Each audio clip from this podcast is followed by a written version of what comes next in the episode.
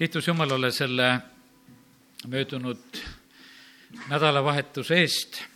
saime käia ka Riias ja õigemini veel Jurmalas, sellepärast et Aleksei Teevi sünnipäeva tähistamine oli Jurmalas. ja tegelikult see ka minu jaoks nii oluline, tähtis asi, ma mõtlesin, et see oli kakskümmend aastat tagasi, kui ma sain nelikümmend siis me läksime esimest korda sinna suvekonverentsile, see oli esimene üldse kokkupuude, olime video pealt vaadanud mõnda uue põlvkonna koosoleku, aga aga mitte koha peal. Ja see oli esimene kord, kui me läksime siis suvel, olime suvekonverentsil, see oli Jurmalas seal vabaõhulaval, see oli võimas konverents, palju rahvast oli koos, terve öö lauldi, terve õhtu kell kümme hakkas pihta ja hommiku kuskil kella neljani või mis see laul käis seal ja oli selline ettevõtmine. üks muusikal tuli seal ettekandmisele ja, ja samuti oli lihtsalt jumala kiitmist ja ülistamist ja see oli võimas kogemus. ma mäletan seda, et kui tulime tagasi, me, poisid joonistasid, nad joonistasid lava, nad joonistasid kõlareid, nad joonistasid seda, kuidas tuleb jumalat kiita. ja nüüd kakskümmend aastat hiljem see on tegelikult ka täitunud, võib-olla ei ole need kõlarid veel nii suured, ja nii kõrged hunnikud, kui need joonistatud sai. aga juba midagi on ja, ja laulud ka tulevad ja sellepärast kiitus Jumalale, et tegelikult see, mida nagu Jumal annab ja milliseid piltisid annab, et need asjad lähevad ka tegelikult täide. ja, ja need kontaktid ja suhted on samamoodi tegelikult ju kasvanud ja olnud, ma mäletan seda, et siis kas olid kolmandad missioonipäevad, kui olid Võrus ja me võtsime Ainuga kätte ja sõitsime Riiga et lähme kutsume Aleksei Ledjevi Võrru. et las ta tuleb Võrus, kuulutab kultuurimajas ja teeme selle asja ära. no me saimegi isegi vennani kohale ja, ja saime talle selle sooviga ütelda, ta küsis, et no mis tal seal siis Võrus tuleb ja me ka siis rääkisime, meil on selline koguduste ühised missioonipäevad ja võtame kultuurimaja, tahame jumala sõna kuulutada ja no seekord see asi ei õnnestunud see õnnestus, ma usun, et te teate ju siis kuskil võib-olla kuusteist aastat hiljem. ja aga nüüd on veel need tegelikult need sidemed ju järjest kasvanud, nii et kiitus Jumalale, et uu-, uue põlvkonna selline kontakt ja liin on meil venna Dmitri Makarenko kaudu nüüd juba üsna mitmel korral ju olemas. Ja, ja see läheb edasi. Ja kiitus Jumalale selle eest ja ja, ja samuti ka, ka Riia kogudusega, kui me nüüd siin käisime piiblikooli jaoks kutsumas, et tulge meile ka lektoriteks ja abi küsima, et, et õpetuses ja, ja, ja siis oli see no niisugune valmisolek, et, et ma olin natukese imestunud, et kuidas nii kohe ollakse valmis, et, et miks ei ole nagu lisaküsimusi. et, et võiks ju veel nagu midagi küsida, aga tegelikult oldi lihtsalt valmis. ja vaata, kui jumal on asju valmistamas, siis need asjad ei ole pikalt seletada.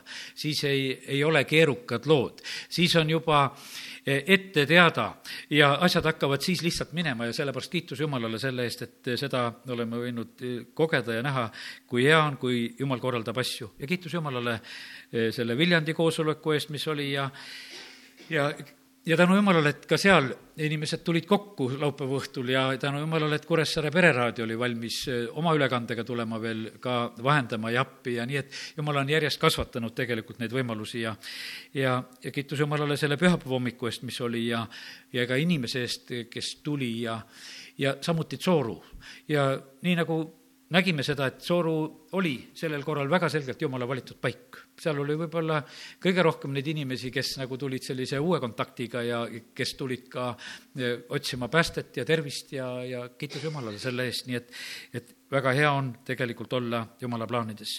ja ütlen seda ka juba kohe, et kui Jumal lubab, siis on niimoodi, et maikuu viimane eh, nädal on vend Dmitri jälle Eestis, siis ta on koosolekuid korraldamas ka Narvas ja Tallinnas, seal on, ütleme, Jõhvi pastori soov on nagu seda ettevõtmist teha aga Dmitri ütles seda enne lahkumist, et kindlasti tahaks olla ka Võrus ja tahaks olla ka Viljandis siis, kui mai lõpus jälle ta siia tuleb. ja ütlen seda kohe siin, et eh, see ei ole lihtsalt ootamiseks, vaid see on meile kingitud tegelikult ettevalmistuse aeg. ma usun seda, et osad inimesed, keda meie kutsusime, no ei tulnud veel meil antakse veel kord aega, veel palvetage ja, ja veel kutsuge ja, ja sellepärast on meil pisut pikem aeg. Nüüd ette teada seda, et, et meil on veel evangeeliumi kuulutamise võimalused ees, ka venna Dmitri Makarekuga koos ja, ja sellepärast ma usun, et me saame seda ka eh, paremini ette valmistada. aga kindlasti, eks tuleb hoida palves kõiki neid inimesi, kes said päästetud ja, ja kes said pühavaimu täis ja, ja kes peaksid ka ristimisele minema ja sellepärast, et tegelikult iga samm on niivõrd oluline ja tähtis ja et täna kindlasti hiljem palvetame ka nende asjade pärast. nii palju lihtsalt selliseid muljeid, ennem kui nüüd siin sõna juurde asun. ja tänasel õhtul ma tahaksin rääkida sellisel väga tõsisel teemal mis puudutab tegelikult meid kõiki.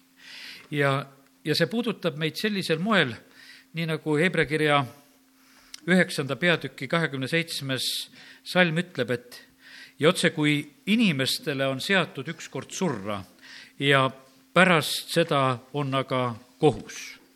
ja ei tea, paberid on tagurpidi, aga ei, ikka õigetpidi on ees. ja eh, täna räägin siis sellisel teemal, mis puudutab valmisolekut surmaks. kus see asi on alguse saanud minu jaoks, et ma seda täna räägin? see tegelikult on alguse saanud kahest kohast, võiks ütelda. ma kuulasin hiljuti ühe, ühte venna Andrei Zapovalovi jutlust elu pärast surma.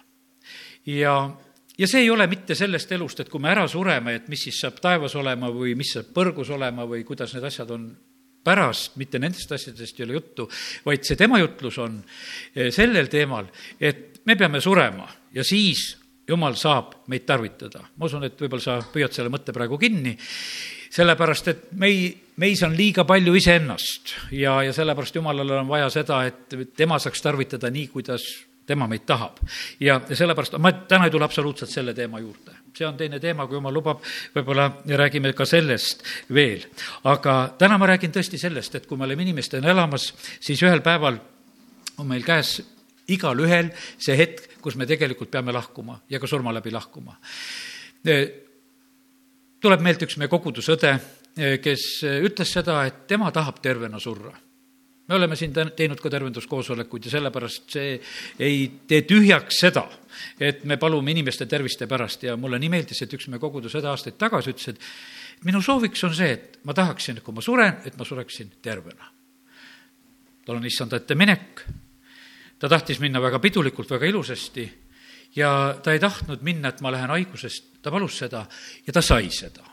sest kui tema õde sellel päeval, kui ta suri, oli tema juures kodus, siis ta ei saanud aru, ta ütles, et ei tea, miks ta ära suri. Sellepärast ta lihtsalt läks ära, ta heitis hinge, issand kutsus teda ja ta päevad olid mööda saanud. ja, ja see, ja sellepärast on see nõnda, et me peame samamoodi valmistuma surmaks ja, ja mõtlema selle asja peale. Meil võib olla väga erinevalt, meil võib olla mõnel selline, võib-olla selline teatud kogemus, kus me oleme või võib-olla olnud nagu sellise hetke juures, kus me võib-olla mõtleme, et aga äkki mu päevad saavad otsa. võib-olla on see hetk juba käes see hetk paneb kindlasti tõsisemalt mõtlema, teise elus pole võib-olla seda mõtet eriti käinud, mõne elus on võib-olla see mitu korda käinud. ja, ja see on kindlasti väga erinev. kogu raamatus on öeldud seda, et parem on minna leinakutta kui pidukotta, sest seal on kõigi inimeste ots.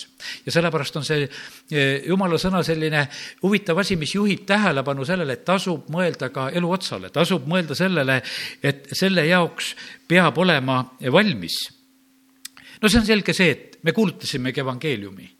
ja evangeeliumi kuulutamine ja päästetud saamine, see ongi tegelikult valmisolek surmaks see on otseses mõttes valmisolek surmaks. meil on võib-olla natuke see eksitav, kui me teeme praegusel hetkel neid tervenduskoosolekuid ja, ja siis kutsudes olen kogenud seda, mõni ütleb, et ma ei ole haige ja mul seda teie koosolekut sellepärast vaja ei ole. kel, kes on haige, siis ta mõtleb, et tal on seda vaja. mõni ütleb selle pealt, mind lihtsalt ei huvita see, mida teie räägite et tal ei ole seda huvi. ja sellepärast, kallid, tegelikkuses on evangeeliumi kuulutuses, lahendatakse meie elu ja surma küsimust. ja tegelikult igavest küsimust ja see, see ei ole mitte sugugi mingisugune selline äh, tähtsusetu asi. ma mäletan seda vana näidet, et, et ütleme siin Eesti ärkamisaegadel ja kui vennad kuulutasid ja rääkisid ja, ja üks näide oli selline umbes, et, et lähed, läheb kuulutaja vend seal külateed ja, ja siis tuleb mingi taluperemees seal oma hobusega, oli siis ree või vankriga ja, ja noh, võtab peale no hobuse peale oli lihtsam saada, hobused ei pannud nii kiiresti ka autod, eks, et need sai ikka nagu kergemini peatada ja aga siis, no vend hakkab evangeeliumi kuulutama selle taluperemehele, siis küsib, et kuule, et kas surma kardad? No talumees vaatab, et kuule, et kas tahab elu kallale tulla ja hobust ära võtta või, või mis siin on, lükkab ruttu selle venna maha sealt ja, ja annab hobusele piitsa ja minema, sellepärast mõtles, et nüüd tullakse elu kallale. et nalja ei ole, aga selles on tegelikult, selles küsimuses on tegelikult tõde, kas surma kardad. kui, kui sa surma ei karda, siis tegelikult sa oled selleks valmis ja, ja sa oled valmistunud selleks ja tegelikult, kui, kui kui me tuleme kogudusse kokku, kui me kuulume Kristuse kogudusse ja kui meie ei saa surmaks valmis, siis on midagi väga valesti. kui kogudus ja ütleme, Kristus meie jaoks lahendab ainult neid probleeme, mis meil on elus vaja, et mida süüa, juua selga, siis tegelikult Jeesus ütles selle peale, et kuule, et see on see asi, mida paganad taga ajavad ta ütles, et teie otsige jumala riiki, see kõik muu antakse peale. sageli läheb see asi nii, et meie tegeleme nende asjadega, mis meil on selle maailma elu jaoks vaja. et meil siin läheks hästi rahulikult ja korralikult. ja, ja tegelikult noh, kiitus Jumalale, Jumal aitab ka selles ja selles ei ole küsimus, et, et äh, Jeesus ise õpetab, et me palume oma igapäevast leiba ja, ja need palved jäävad oma kohale ka. aga täna just tahaksin tõmmata nagu rõhku sinna, et meie peame olema valmis selle jaoks ka, et, et kuhu tegelikult meie elu läheb. Äh, Jeesus ütleb, et on kaks teed, on see kitsas ja lai üks viib ellu, teine viib hukatusse. ja, ja selle jaoks peab tegelikult valmis olema. seda valmistamist ei saa lükata edasi on neid vale eh, suhtumisi, asju, et noh, et umbes, et pärast surma ja palume surnute pärast ja, ja kes siis lähevad kuskile puhastustulle ja, ja, ja need ei ole mitte piibliõpetused eh, sellisel moel, et millest me võiksime kinni võtta, vaid et ku, nii, kuidas me siit läheme, see on see valikuhetk. nii nagu üks röövel ristil, Jeesus ühel poolel, läheb taevariiki ja teine läheb põrgusse just seal oli see valikuhetk. ei läinud see teine kuskile puhastustulle, et, et hiljem pääseda, vaid see, kes ütles, et Jeesus, mõtle mu peale ja see sai päästetud ja see läks eh, taevasse, läks koos Jeesusega. Jeesus ütles, et täna pead minuga olema paradiisis. ja, sellepärast on see nii tähtis, et, et need asjad oleksid korras ja oleksid korras õigel ajal ja, ja need oleksid korras siis, kui meil on veel, meie mõtlemine töötab, meie arusaamine töötab, et, et me saaksime täie teadlu-, teadlikkusega uskuda issandasse Jeesusesse, Kristusesse. nii nagu Apostel Paulus ütleb, et ma tean, kellesse ma usun ja ma olen kindel, ma olen veendunud. paljud inimesed on niimoodi, et noh, nad mõtlevad, et kuule, et jumal on armuline ja võib-olla kuidagi läheb. ei, see ei ole selliselt mõeldud, jumal tahab, et me oleksime kindlad ja teaksime, eh, kuhu me kuulume, kelle omad me oleme, eh, keda meie teenime, keda me austame, ülistame, kellele me elame ja kellele me ka siis sureme. ja, sellepärast on see niivõrd oluline, et nendele asjadele me mõtleksime ja et me oleksime selle jaoks valmis. Jeesus hakkas ka oma jüngritele rääkima enne Jeruusalemma minekut, et eh, see umbes pool aastat ette hakkas Jeesus rääkima. et ma pean minema Jeruusalemma ja ma pean seal kannatama ja mind tapetakse ja teate, pane tähele, seal on see sõna peab, ma pean ja mul ei ole teist võimalust, tegelikult on see mu tee. Ketsemani aias eh, ta palub küll, et jumal, kui on võimalik, mingu see karikas minust mööda. ei olnud võimalik, et see kariku, karikas läheb mööda. tegelikult oli Jeesus sündinud inimesena siia maailma ja igale inimesele on määratud kord surra. ja, ja sellepärast Jeesus pidi kõiges tegelikult eh, minema seda inimese teed ja, ja ta läks sellest läbi. ta läks esimesena läbi ja sellepärast ei ole see tee meie jaoks enam tundmatu tee. kui keegi on Ameerika juba avastanud, siis Kolumbuse järgi järgi on lihtsam juba minna, sellepärast et keegi juba teab, mis ootab ees. E, ta on juba rääkimas seda, et vaata niimoodi, ta joonistab kuidagi selle ette ka, ütleb, et kui lähed, jah, suur vesi on vahel, aga lõpuks ikkagi tegelikult tuleb maa ka veel vastu. ja, ja sellepärast, kallid, see on niivõrd tähtis, et meil on see keegi, kes on saanud esimeseks ja, ja kes on läinud sellest läbi ja sellepärast me võime nendest asjadest hoopis teistmoodi rääkida. ja, ja neid on iga hetk, iga kella tiksumine mis siin ka praegusel hetkel on, see toob tegelikult meile seda hetke lähemale. Anslem Madobuko, Aleksei Ledjajevi kuuekümnendal sünnipäeval pidas jutluse surmast. see oli tegelikult niimoodi, et ma nägin, et, et kui ta selle teema välja ütles, see oli nagu teatud ehmatusega vastu võetud. sünnipäev. ja me räägime kaduvusest, me räägime surmast. ta rääkis seda väga tõsiselt ja no eks ta tõi näiteid, ta ütles, et hea küll, et kuuskümmend, et piibli mõõt on, et, et sada kakskümmend aastat. ja me teame seda, et jumal andis äh, väga selgelt, ütles, et igavesti minu vaim ei jää sellisel moel inimesse ja, ja nüüd on selline lugu, et, et paneme piiri peale, paneme sada kakskümmend aastat peale. ja, ja see sada kakskümmend aastat on see kehtiv piir, mis on pandud meie inimestena oleme rohkem tegelemas selle Moosese piiriga, kus me räägime, et seitsekümmend ja kaheksakümmend aastat, matustele ei loeta seda sadat kahtekümmet tavaliselt, loetakse seitsekümmend ja kaheksakümmend, sest see läheb täpsemini täppi nendega, keda sa ära saadad. ja, ja sellepärast loetakse sealt. aga tegelikkuses sõna ütleb meile, et meil on sada kakskümmend aastat antud. ja minu enda jaoks ma sain selle ilmutuse, ma kaua aega olin nagu otsimas seda, mõtlesin, et miks sa, Mooses, ütled meile seitsekümmend ja kaheksakümmend oma palves. ja, ja siis ise elad sada kakskümmend, nii et sul prille pole, nii et, et su, ütleme, su tervis ja su jõud ja kõik ja ramm on olemas, sa elad täiesti selleni. et miks sa niimoodi ütled? Meile eh, nagu nelikümmend aastat vähem. Ja ise palju kauem? no ma sain selle vastuse.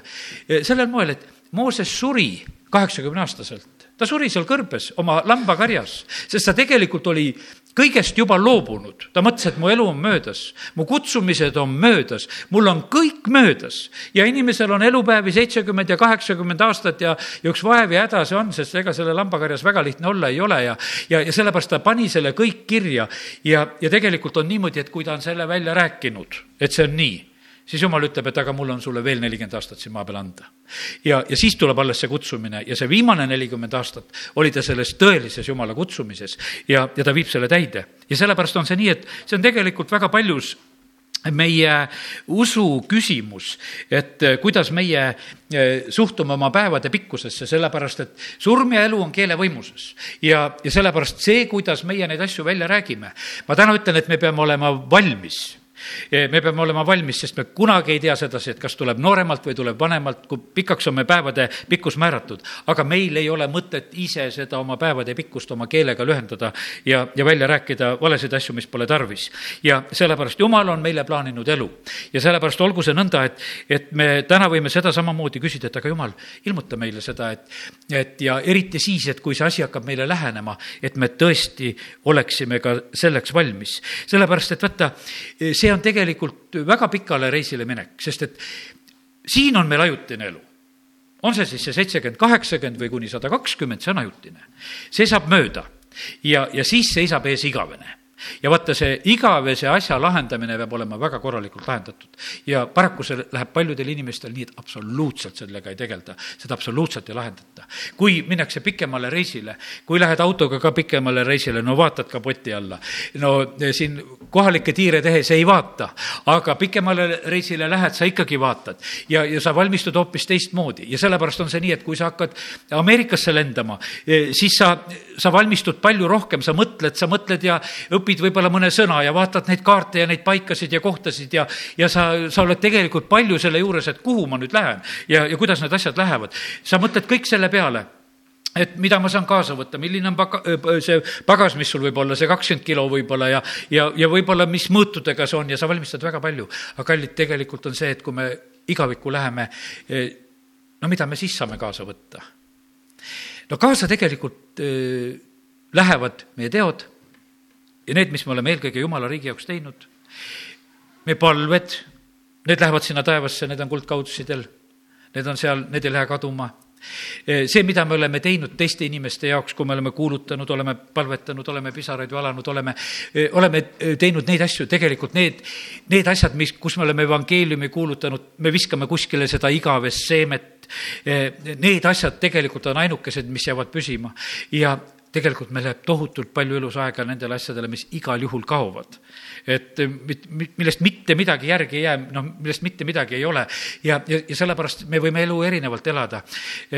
minu isale, ma mäletan, elu lõpupoole keegi ütles, et kuule, et kuule, Paldor, et et sa oled neid jumalakodasid küll ehitanud, aga omale sa pole maja ehitanud, et miks sa nii oled teinud. et ja, ja see mees, kes seda ütles, ta oli endale vägeva maja ehitanud ja, ja kõik oli hästi organiseeritud ja tehtud.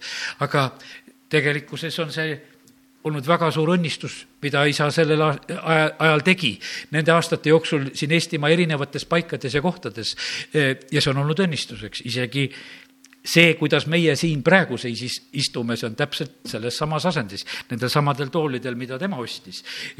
paljuski see, kõik see lahendus just sellest ajast, pisut olen mina siin natukese liigutanud ja teinud. ja, ja sellepärast need asjad ja ka see on veel ütelda kaduv. aga õnnistus on see nende inimeste näol, kes tegelikult on aegade jooksul saanud päästetud ja on jumala riigis leitud. ja, ja sellepärast on väga tähtis on see, et, et me kasutaksime nüüd seda eelist, et kui me oleme elus, kui me oleme praegu elus, kui me kasutame nagu neid aegasid, mis on meie käes, et me suurendame jumala riiki.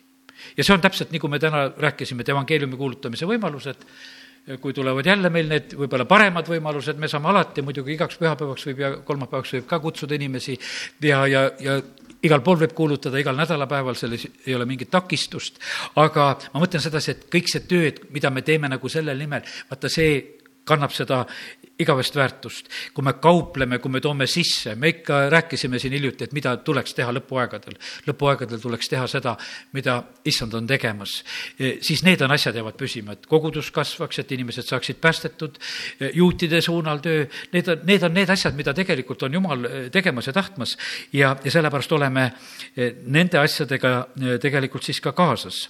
ja, ja siis on midagi sellist, mis jääb ja, aga muidu me peame sellega arvestama, et, et ühel päeval on meie tegemised tehtud ja nii palju, kui tehtud sai, e, ongi tehtud ja, ja siis on e, meie võimalused sellises mõttes möödas. E, siis on niimoodi, et, et meie praegusel hetkel saame ka Jumalat kiita ja austada ja ülistada. sõna ütleb sedasi, et ega, ega surnud kiida issandat, ega need, kes lähevad alla vaikusesse surm, see on psalm sada viisteist, seitseteist, kus on see mõte öeldud, ma mõtlesin täna korraks selle peale. kuidas see on? kui sa oled noh, vaimulikult surnud inimene, sa samamoodi ei kiida Jumalat. sa istud ülistuse ajal ka võib-olla niimoodi hambad ristis, ei tõuse püstigi ja teed oma protesti ja seda tehakse, see on teada.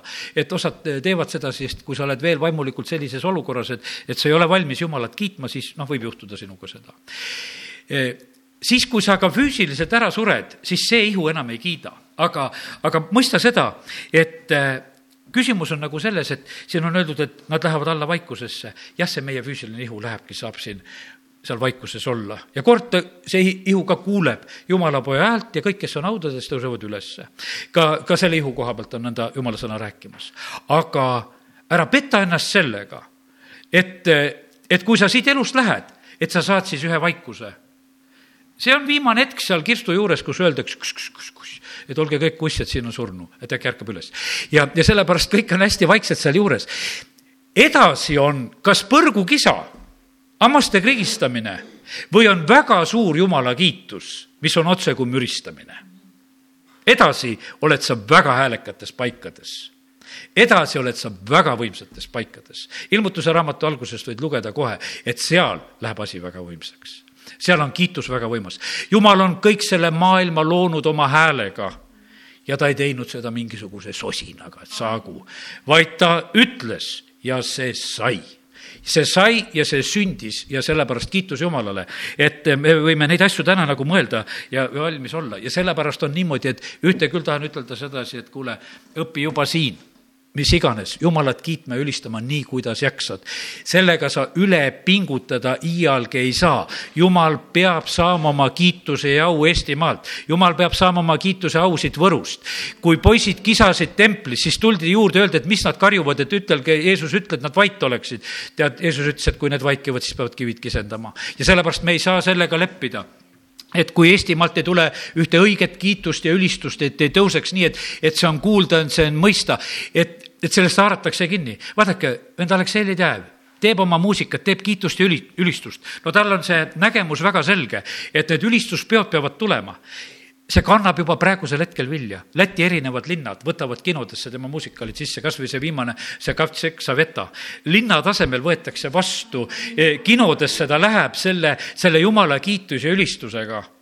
laeka vastuvõtmine see teema tegelikult rullub nendele inimestele linnades lahti, kuhu ta läheb sellega. Ja sellepärast Jumal peab oma kiituse ülistuse saama. Ja ta saab selle lauluga. üks küsis mu käest, kui käisin nüüd Riias sünnipäeval, et ega ei olnud kõva häälega muusika, ma ütlesin, muidugi oli kõva häälega muusika.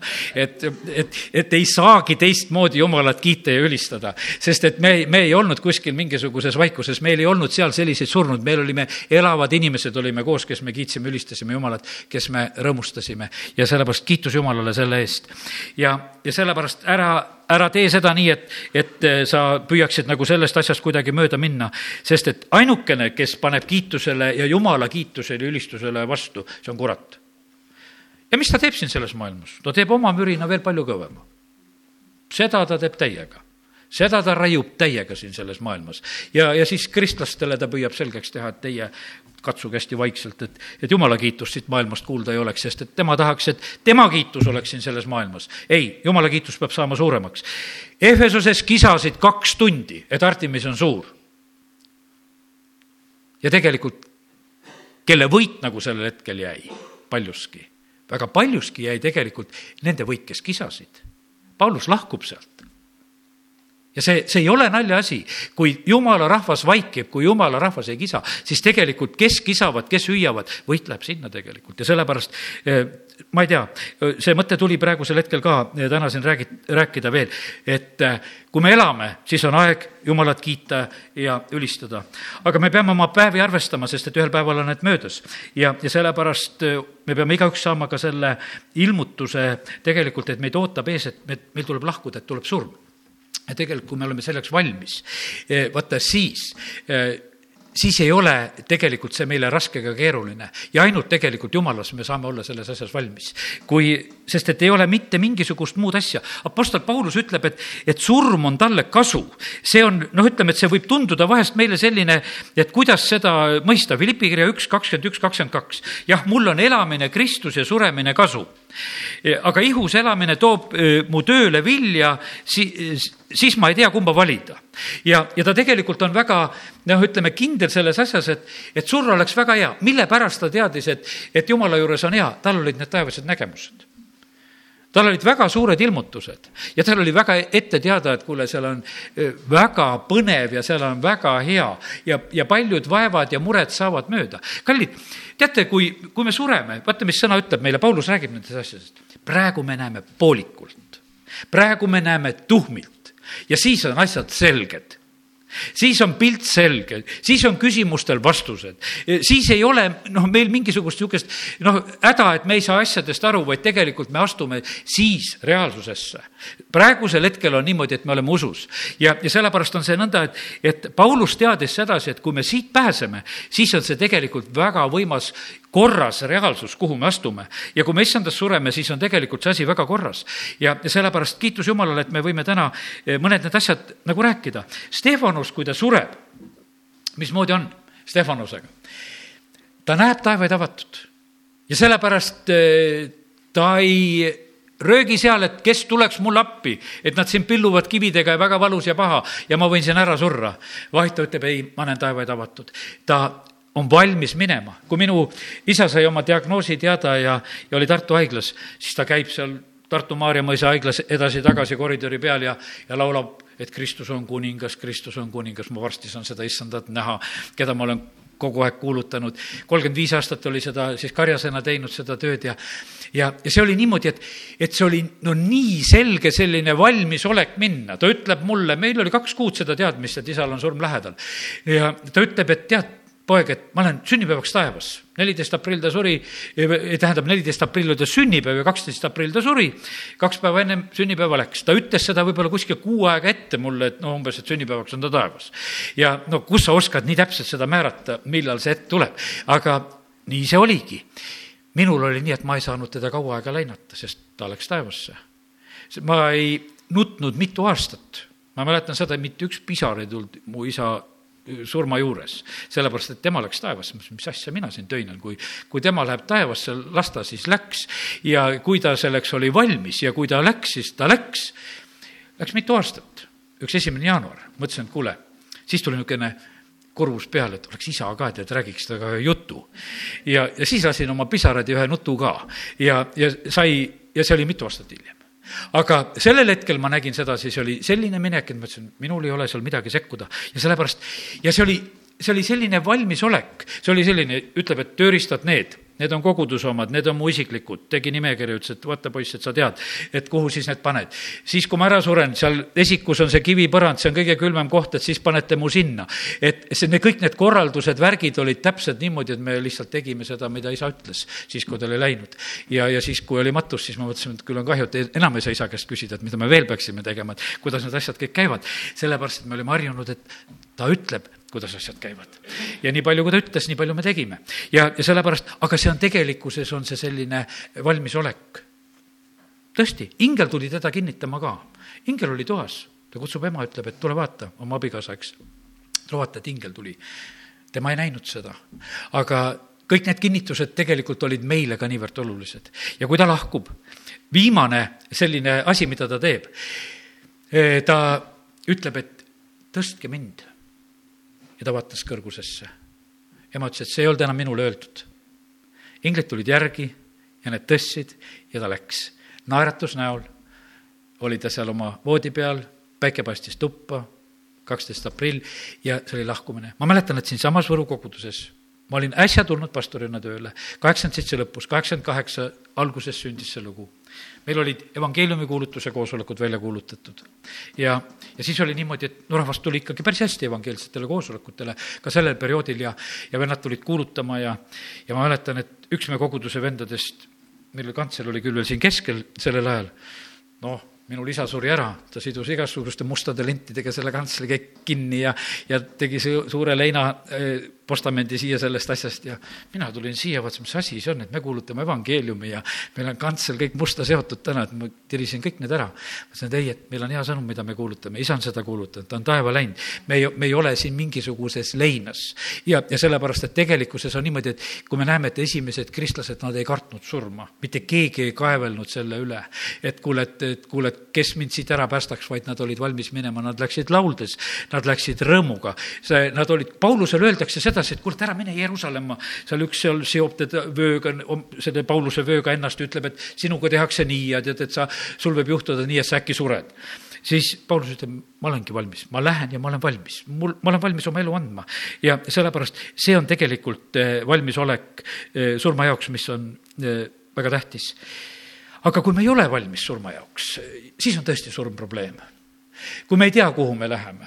Ja vaata, siis ta on tõesti probleem, sest et kui on hukkaminekuga tegu, kui on selline asi, siis on see tõesti väga, väga kurb ja raske asi aga täna tahaks eh, nagu rääkida sellest, et me peame selleks olema valmis. kuidas neid valmisolekuid, ma toon neid näiteid lihtsalt, mis on mulle elu jooksul saanud. Eh, üks, üks vend siin Lõuna-Eestis tuleb ühel korral minu ema juurde, siis ütleb, et kuule, teeme laululehed valmis ja noh, mees veel täiesti nagu elamas ja omas jõus, eks ta vist pensionieas juba oli, ja ütleb, et aga ma tahan, et mul vend elab Ameerikas ja ma tahaksin need laululehed juba Ameerikasse ka saata, et, et vennale nagu selleks kinnituseks, et mina olen surmaks valmis. ja, ja said laululehed tehtud, ma ei tea, kui palju ta elas tegelikult veel aastaid, aga ta valmistus tegelikult, tal oli kirst ka tegelikult kodus olemas, ega igalühel ei ole neid selliseid asju, aga tema, tema valmisolek oli kapitaalne. see oli sama armas vend, kes tegelikult käis inimesi palvetundi kutsumas nii, et läks, tegi teistele päevatööd ja ta ei teinud oma usueluga nalja.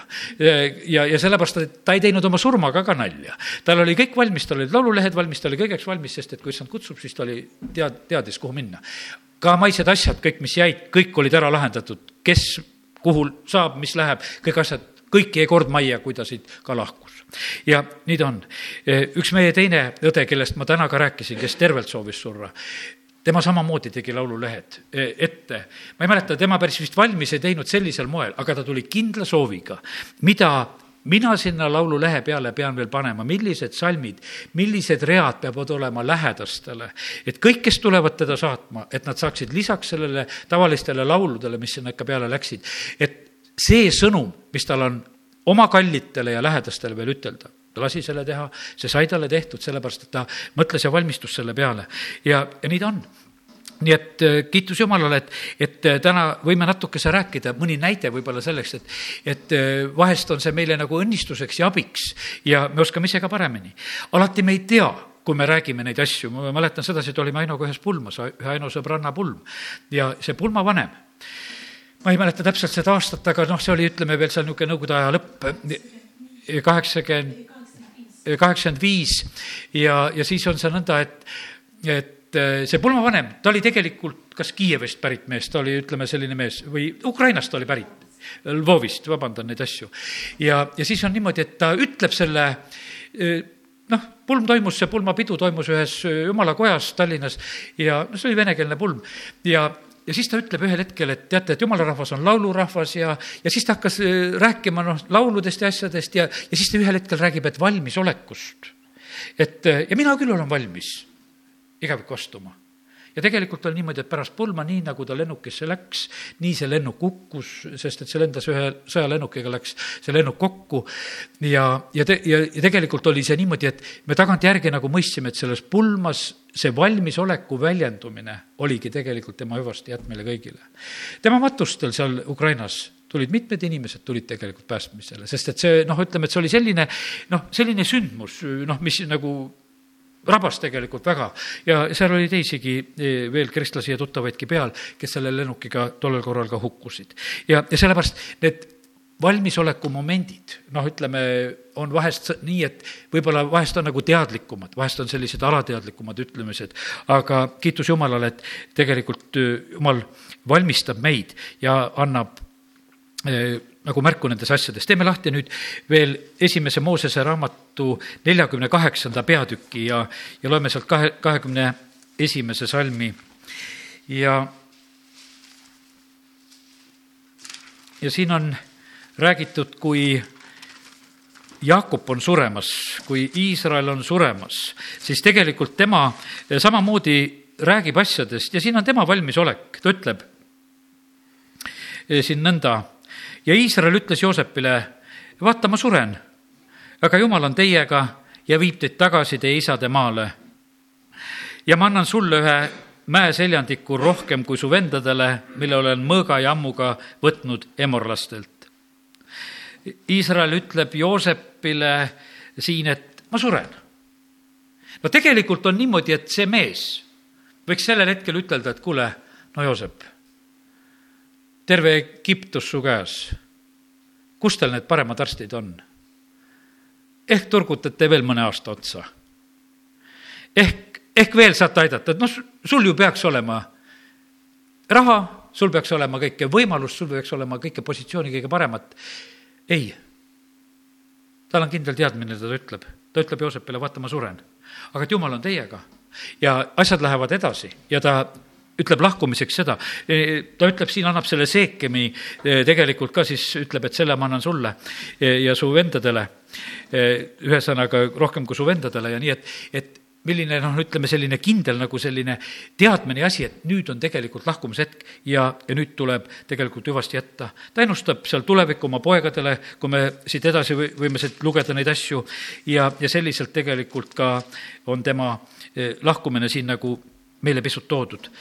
E, meil on nii, et e, vend Anselm Madobuko tõi mitmeid selliseid e, nagu näiteid Nigeeriast, mis on, ütles, et üks Nigeeria väga rikas inimene, ta naine oli raskesti haige, jäi vähki ja ütles, et ta otsis maailmast igalt poolt abi. ja, ja kuskilt ei saanud, ei Ameerika arstid, ei Iisraeli arstid, mitte keegi ei suuda aidata ja ja lõpuks ta võtab ja vaatab oma raha ja sülitab ja ütleb, et ah oh,, sa rumal raha, et sust ei ole mitte kui midagi abi et ei saa rahaga, ei osta tervist selle rahaga. ja, ja sellepärast nii see on, et, et me saame neid kogemusi, seal Nigeerias oli ühel oli olnud eh, surnu ajal pandud oma eh, hauakivile selline sõnum, et, et ärge nutke et varsti olete järgi. et, et, et lohutuseks teistele, et mis te nutate, et küll te järgi tulete. et eh, eks, eks selles on teatud sellist huumorit, aga tõde tegelikult, mis te nutate, et parem valmistuge, sest varsti olete järgi. ja nii, nii need asjad tegelikult on. me vahest nagu eh, ei tahaks võib-olla nend-, nendel teemadel rääkida, aga me näeme sedasi, et Jeesus võtab kolm korda kätte oma jüngritele rääkida, et, et kuule, et eh, ma pean surema, ma pean kannatama no jüngrid ei taha kuulata, Peetrus ütleb, kuule, et ärme niisuguseid jutte üldse räägi, et eh, räägime hoopis nendest koosolekutest ja kuidas sa haigeid tervendad ja surnuid äratad, räägime hoopis, kuidas saab inimestele süüa anda ja vaata, siis on inimesed rõõmus, aga nüüd hakata midagi rääkima, et sa ära sured ja parem ärme niisuguseid asju räägi. aga tegelikult ei saa eh, nendest asjadest mööda minna, sest et eh, see on tegelik tõelisus, mis on iga inimese jaoks olemas. ja kui Jeesus ei oleks meie jaoks seda probleemi ära lahendanud, no mis tühja lootust meie siis hellitaksime siin jumalakojas koos käies sellepärast, et selle elu probleeme ja asju võib väga mitmel moel ära lahendada ja selleks meil ei ole eh, Kristust tarvis. ja sellepärast, aga kallid, Kristust on meil tarvis, et me lahendaksime need igavesed asjad kindla peale ära. ja kiitus Jumalale, kõige sellega koos, selle paketiga, tegelikult koos tulevad need lahendused ka, mis on meile eh, siin vaja. kui meie jääksime nagu selle juurde, et kus me räägime ainult, et, et kuidas elus olla edukas ja terve ja kuidas asjadega nagu hästi hakkama saada ja, ja, ja kui kui surmakartust ja kui surmaprobleemi meie ära koguduses ei lahenda, siis tegelikult see, see ei oleks eh, mitte mingisugune õige lahendus, sellepärast et tegu on meil igavese hingega. ja, ja sellepärast, mis kasu oleks sellest, kui me terve selle maailma kasuks saaks ja oma hingele kahju teeks. ja sellepärast Johannese kolm kuusteist, et nõnda on jumal maailma armastanud, et, et me saame vaata selle igavese elu ja me vahest nagu noh, meile meeldib nagu ütelda, et see nagu eh, hakkab eh, pihta meile sellest hetkest, kui me saime päästetud. nojah, ta tegelikult hakkab pihta sellest hetkest, kui me saame päästetud kindlasti ja pannakse nimi eluraamatusse ja see on väga tähtis. aga seal on üks väga tähtis asi, on see, et me surmani vastu peaksime ja et seda elu hoiaksime. kes otsani jääb ustavaks.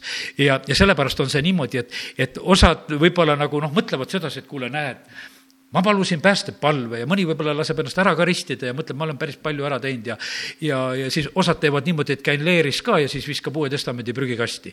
ütleb, et noh, mul need asjad kõik tehtud. see õnneks vist veel meie maal ei ole, aga ma lugesin aastaid tagasi, et kui Rootsis leerist inimesed tulid, siis oli noh, niisugune, et kurb oli näha, et kiriku ukse taga prügikastis lihtsalt visatakse jumala sõna ära.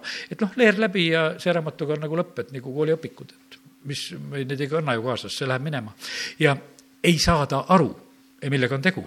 me peame otsani vastu pidama nii kaua, kui me siin veel hingame ja sellepärast on niimoodi, et see ei ole mitte, et, et meil said need sammud, me vastu halleluuja, plaksutame, sai päästetud aga see päästetu peab ka otsani vastu pidama, teisiti ta ei pääse. Paulus ütleb, et ma olen head võitlemist võidelnud, ma olen usu säilitanud. sa pead lõpuni sa-, saama sellega, see, see ei tohi vahepeal kaduma minna. see, selles me ei saa nagu noh, ütleme, et selles ei ole nagu mitte mitte mingisugust hingamist ega puhkust, sellepärast kurat käib ümber ja otsib, keda neelata ja, ja see, ja sellepärast on see nii, et, et äh, meil on nagu noh, ütleme, kiitus Jumalale, meil on see surmast väljapääsu tee. me ei pea kand-, kartma seal pimedas orus. Äh, meil on, äh, paljud asjad on väga nagu ära lahendatud, aga täna ütlen ikkagi sedasi, et aga surm tuleb niikuinii. Mooses on Jumala sõber. Jumal räägib temaga näost näkku ja siis lõpuks on niimoodi, et ütleb, et aga tead, me teeme sinuga nii, et, eh, et sa tuled siia mäe peale ja sa sured. ja tuleb niisugune erakordne matus, et rohkem inimesi ei tule, et mina ise su matan. aga sa sured ja ei ole, sellest ei ole nagu pääsu, sa oled, sa oled sõber ja sellepärast kõik need eh, Abrahamid ja kes olid ja kui me loeme Hebra kirja üksteist, eh, seda teist poolt peatükki, ma ei hakka täna seda praegu lugema, eks. no seal on tegelikult väga, ütleme, kui sellise füüsilise surma koha pealt väga rasked lood, mis on räägitud. et eh, mismoodi tegelikult siis inimesed hukkusid ja, ja surid tegelikult nende füüsilised ihud. aga kui nad olid usukangelased, siis see puudutas ainult eh, tegelikult eh, nende ihu ja vaim läheb Jumala juurde ja sellepärast kiitus Jumalale, et ei ole siin eh, need asjad lahendamata. teeme seda viienda Moosese lõppu ka lahti ja natukese veel, võtan aega, et juhin mõne tähelepanu. viies Mooses ja kolmkümmend üks neliteist on öeldud, issand ütles Moosesele, vaata, aeg ligineb, mil sa pead surema. kutsu Jooso ja astuge koguduse telki, siis ma annan temale kohustuse. siis Mooses läks koos Joosoga ja nad astusid koguduse telki. ja ja kuusteist salm veel ütleb ja issand ütles Moosesele, vaata, sa lähed magama oma vanemate juurde ja siis ta räägib, et see rahvas tegelikult taganeb ja räägib need asjad, siis ta annab veel käsu, et sa pead kirjutama eh, üheksateist salm ja nüüd kirjutage endale üles see laul, mida Mooses pidi laulma, see järgmine peatükk räägib sellest. ja, ja sageli see ongi niimoodi, et vaata, sellisel lahkumishetkel eh, on väga tark, et kui on, osad asjad on kuskile kirja pandud, et äh, mis on, mismoodi, et asi oleks nagu kindel, et ei oleks ja sellepärast on see väga normaalne. ja nüüd on niisugune täielik selline noh, üleandmishetk, antakse täiesti teadlikult kõik üle äh, kõik need asjad, mida Mooses oli kuulnud Jumala käest, need pidi saama üle antud. ja, ja ka see viimane lahkumislaul, kirjutage need asjad kõik üles, Mooses küll selle laulab ja teeb veel ära ja, ja selliselt toimub nagu see eh, lahkumine. ja nüüd eh, sellest laulust ma võtan sellest kolmekümne teisest peatükist, võtan ka ühe salmi, kolmkümmend üheksa. nähke nüüd, see olen mina, ainult mina, ei ole ühtki jumalat minu kõrval, mina surman ja teen elavaks, mina purustan ja mina parandan, ei ole kedagi, kes päästaks minu käest. Ja eh, Mooses selles laulus ütleb ka sellised sõnad. Ja nüüd eh, see kolmekümne teine peatükk, ma loen edasi, kui Mooses ei pääse tõotatud maale, loeme sealt nelikümmend kaheksa kuni viiskümmend kaks, loeme selle lõigu Moosese surma koha pealt ka. issand rääkis Moosesega veel sel samal päeval, öeldes, mine üles Abirimi mäele, Nebo mäele, mis on Moabi maal Jeriko kohal ja vaata Kaanani maad, mille ma annan Iisraeli lastele päranduseks. siis sa sured seal mäe peal, kuhu sa üles lähed ja sind koristatakse oma rahva juurde nagu suri su vend Aaron Hoorimäel ja koristati oma rahva juurde. sellepärast, et ei olnud truud minule Iisraeli laste keskel Meribea vee juures Kaadesis siinikõrbes, sellepärast et te mind ei pidanud pühaks Iisraeli laste keskel. sa näed küll eemalt seda maad, aga sa ei pääse sinna maale, mille ma annan Iisraeli lastele ja kolmkümmend kolm algab ja see on õnnistus, millega Mooses, jumalamees, õnnistas Iisraeli lapsi enne oma surma. Ja siis on veel need ütlemised, ma ei jää täna nagu seda ka lugema, aga et need on kõik sellised eh, noh, niisugused normaalsed asjad, mis toimuvad.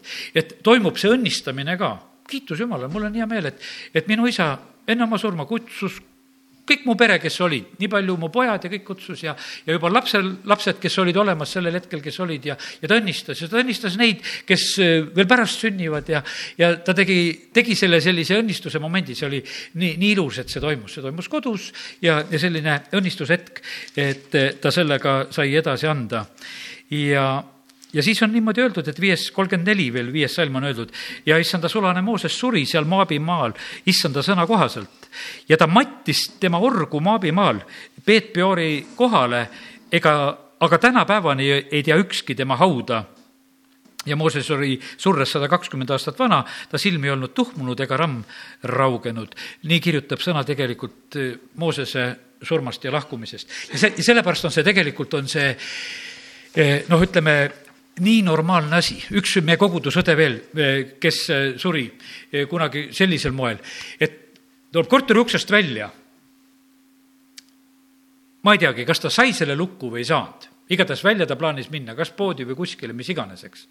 ja sealsamas ukse taga ta vajus kokku ja milline naeratus näol. naabritel muidugi ehmatus, naabrid olid ära surnud ukse taha, tead, see ei ole trepikojas kõige kergem leid, eks võiks ütelda, kui sa selle surnu ukse tagant leiad. aga, aga tegelikult meie naeratav õde oli seal, naeratus näol. ja mina mäletan, et ta matustel rääkisin, näed pani oma korteri ukse kinni, aga taevauks läks lahti ja sellepärast selle taevaukse pärast oli see naeratus näol, sest et see tegelikult oli ta ees avanenud ja sinna ta läks rõõmuga. ja see, ja sellepärast see on, see on nii reaalne astumine. minu vanaisa, vana-vanaisa õigemini, Aleksander või vabandust, vanaisa oli Aleksander, aga Siim, vana Siim siis, nagu meie oma peres kutsume, kui ta oli suhteliselt noore mehena suri ja ta oli seal Jausa külas selline ametimees küll vallas ja koguduses ja, ja ta oli oma haigevoodil, külarahvast oli toas, vana Siim on oma voodis pikali, äkki hakkab laulma, laulab võõras keeles ja, ja siis on niimoodi, et ta teeb korraks silmad lahti. ta ei olnud üldse laulumees, elus ta ei laulnud. aga seal surivoodil ta laulis ja laulis võõras keeles. ja siis eh, ta teeb silmad lahti ja küsib, et kas ma veel olen siin et ma juba koos teistega läksin taevalinna poole. me ikka räägime, et, et üksinda minek, aga vanal Siimul oli kuidagi niimoodi, et ta nägi ikka, et teisi läheb ka. ja, ja, ja sellepärast oli üks, üks minek oli selline ja, aga tegelikult need on tohutu sellised kinnitavad lood, et, et tegelikult see, see lahkumishetk, et see on tegelikult väga selline konkreetne, reaalne ja, ja tegelikult on see mingis mõttes väga pidulik, lihtsalt see maine telkhoone lastakse kokku. me oleme kui aur, mis pisut aega nähakse me oleme nagu lillekene, mis natukese aega on, eks. ma sain täna selle ilmutuse, mille pärast matustele nii palju lilli tuuakse. kõik tulevad selle sõnumiga, et oled nagu lilleke ja nüüd sind enam ei ole, tead, eks. kõik tulevad, ütlevad oma lilledega veel selle sõnumi, et sõna ütleb seda, et sa oled nagu lilleke, mis närtsid ja nüüd me toome sulle selle hunniku veel peale. et see kõik sõna oleks ilusasti täide läinud ja see läheb muudkui täide eh, sellisel moel ja ja sellepärast on, kui tuul käib üle, siis ase enam seda paika ei tunne ja, ja sellepärast nii, nii need asjad tegelikult siin selles äh, maailmas on. aga täna näed, kui me oleme siin ja kui meie oleme issandas, siis see ei ole meie jaoks mitte mingisugune probleem. Apostel Paulus ütles, et ma pean tagasi hoidma. ma olen töö pärast veel siin ja, ja sellepärast on see niimoodi, et, et tegelikkuses on see niimoodi, et eks jumal näeb meie elupäevi veel nagu ikkagi nagu sellises mõttes, et, et me ta riigile teeksime tööd et tema jaoks on see, see moment tegelikult väga oluline, tähtis ja sellepärast näeme nagu seda samamoodi ka, et eh, nõnda see on. Eh, eh, Jesaja raamatu neliteist üheksa on üks selline salm, loeme selle ka teate, tegelikult on niimoodi, et ma räägin täna, et taevas on väga valmis, et kui inimesed surevad, aga Jesaja raamat neliteist üheksa ütleb seda samamoodi ka, et põrgu on tegelikult väga valmis. surmavald on all liikvel sinu pärast, et võtta vastu su tulekut. ta äratab sinu pärast surnute vaimud, kõik maajuhid, laseb nende aujärgeldajad tõusta, kõik rahvaste kuningad. ja tegelikult on see niimoodi, et eks see on täpselt samasugune lugu, et põrgu on väga liikvel, alati kui te, inimene sureb, sellepärast et seal käib, tegelikult on teadmine, et kes, kelle oma ta tegelikult praegusel hetkel on. põrgu on põhjatu, seal ei ole mingisugust täisarvu, see neelab ja neelab ja neelab ja võtab. taevas on öeldud sedasi, et on see üks täisarv, kui see saab täis, siis on pulmakod on täis. seal on väga selgelt kutsetega, nimede järgi, seal ei ole mingisugust asja, seal on väga täpne see asi, kui see täisarv saab täis, siis pulmakod on ühel hetkel on täis, pulmakoda saab täis, nagu räägib sõna. põrgu koha pealt ei räägita, et ta kunagi saab täis, see on üks põhjatu auk, kuhu, kuhu minnakse. ja sellepärast on kallid, me peame kuulutama ja, ja rääkima, et selle, selle arvu sisse saaksid Eestimaa inimesed, saaksid meie lähedased, saaksid meie tuttavad. praegu teistel kontinentidel käib väga suur rabamine taeva poole. väga suured hulgad lähevad. ja sellepärast me ei tohi Eestis maha jääda sellest, et, sest et taevas tegelikult täitub inimesi tuleb päästmisele, teised kontinendid annavad praegu tugevasti kiitus Jumalale, Dmitri Makarenko, kui ta pani oma sellele kodulehele praegu selle Eesti uudisega üles, et ta siin käis, ta lõpetab selle oma viimase lausega, et, et ma usun, et Eestimaal tuleb suur ärkamine. ta kirjutab selle peale. Ja, ja sellepärast ja, ja sellega tegelikult me viime taevasse inimesi.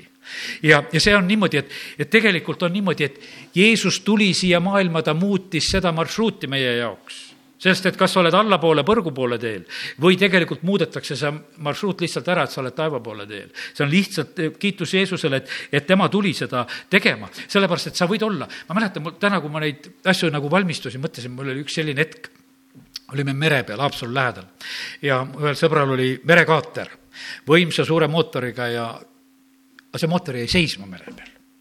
ja enam me seda käima ei saanud. ja, ja siis on niimoodi, et Vormsi praam tuleb, annab meile vilet, sest me olime jäänud just Vormsi praami tee peale ette. ja ka meil on nii, mootor seisab ja mõtleme, et noh, see on kõvasti meile vilet, et kaduge eest ära oma selle kaatriga sealt, et mis te seal tee peal olete, laevatee peal ja me ei saa mitte midagi teha. ei ole meil ühtegi aeru, tegelikult see kõrge ka, ega seda aerutada ei oleks saanud, eriti ega midagi ja lihtsalt tuul lükkas tuul aitas meid sellel hetkel seda marsruuti muuta, et lihtsalt lükkas ära, puhus ära ja et siis see laev sai mööda minna ja hiljem sealt meretast meid ära päästeti, keegi tõmbas meid lihtsalt kaldale, üks teine kaater. ja, ja sellepärast nii see on, et ega vahest me oleme nii, et me justkui midagi ise teha ei saa. Ja selle, selle marsruudi muutmiseks ei saa mitte keegi teine teha, seal on vaja kindlalt päästjat. Vaata, seal on päästjat lihtsalt vaja, meie ei saa oma elu seda suunda muuta ilma päästjata, seal ei ole mitte mingisugust lahendust, sa lihtsalt vaatad, aga kui sa võtad selle päästjaabi vastu, vaata siis see marsruut on muudetud. Ja ja kiitus Jumalale, et, et Jumal saatis oma poja.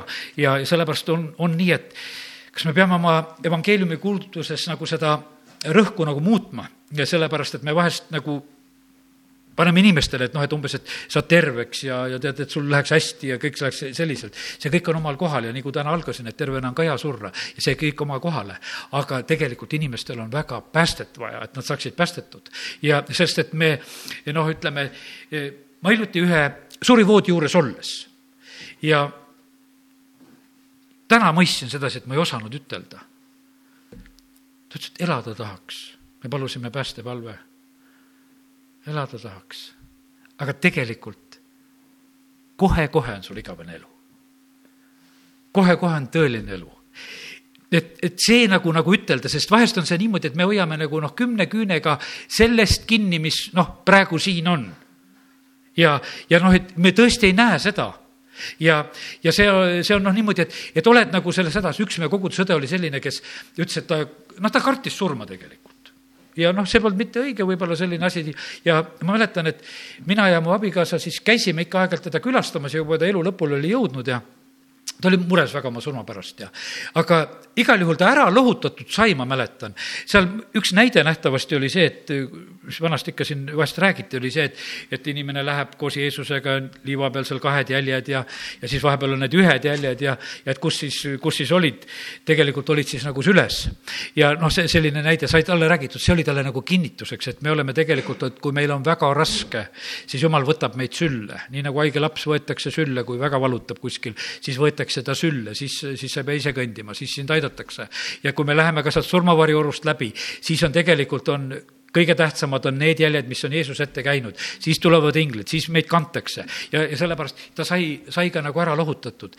ja, ja ma nii mäletan seda, et, et noh, üksik inimene oli, terve elu üksikuna elanud ja siis on niimoodi, vaata see üksiku inimene, inimese surm on ka selline huvitav, mu ema rääkis kunagi sellise loo, et, et üks ütles sedasi, et noh, kui ma ära suren, et ma panen käterätiku sinna õhuakna vahele või noh, näitan. tead, aga siis nad ikka jäid arutama sedasi, et kuidas seda panna, et, et no ei tea ju, millal ära sured, et millal selle käteräti paned, et, et liiga kauaks üksi ei jää sinna tuppa, tead. ja noh, et inimestel vahest toredaid mõtteid tuleb. ja eks sellel üksikul inimesel oli täpselt seesama lugu, et ta mõtles ka ja teate, sellel õhtul saadeti meie koguduse tollel hetkel kõige parem meditsiiniline abi, mis oli, saadeti sinna koju.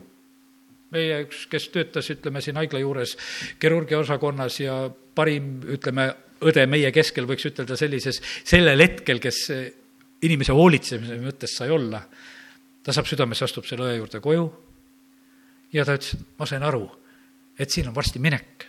et ma ennem ei lähe siit ära, kui ma ta silmad sulen. ja, ja sellepärast Jumal hoolitseb viimaseni jumal hoolitseb viimaseni, et me ei pea olema mures, et kas me saame oma käterätiku kuskile märgiks toppida või ei saa, et, et, et kuidas me märku anname sellest asjast, et need asjad on nii tühised, tegelikult on meie eest, on tegelikult Jumal hoolitsemas. amin. tõuseme. ja isa, me täname sind, et me võime olla täna siin ja ja oleme evangeeliumi kuulutuse järel ja oleme rõõmsad, et inimesed on saanud päästetud. aga ma tänan sind, Jumal, et sa oled andnud ka täna eh, tegelikult need nii tõsised ja olulised ja reaalsed mõtted, mida oleme täna võinud jagada. ja isa, me täname sind, et me tohime täna ka endid läbi katsuda, et kas meie südametes on rahu, kas me oleme valmis, issand, selleks, kui sina kui sina meid kutsud, kui meie päevade mõõt saab täis ja me peame minema, isa, me tahame seda armu paluda, et see võiks olla meiega. ja kui me oleme ise saanud selle asjaga korda, et me südametes on rõõm ja rahu ja, ja oleme päästetud, siis jumal, aita, et me oskaksime seda päästet jagada ja viia teistele inimestele edasi, sest tegelikult vajavad seda kõik. isa, me täname sind, et me tohime seda armu paluda. me palume, Jumal, et, et järgmine selline suurem evangeeliumi kuulutamise võimalus, mis seisab meie ees, et see oleks veel paremini, eh, veel innukamalt kutsutud, eh, veel otsusta-, otsustavamalt eh, tegutsetud nende hingede pärast, kes on ümberringi, kes on lihtsalt hukkumas Jeesus ilma sinuta. ja me täname sind, Jumal, et me tohime seda, seda sellist julgustust paluda. isa, me täname sind, et me tohime usus kinni hoida sellest, et sa oled rääkinud, et siin maal tuleb ärkamine. aga me täname sind, Jumal, et, et sa tahad ka meid tarvitada selles ja me tahame olla selles asjas kaasa kaasas.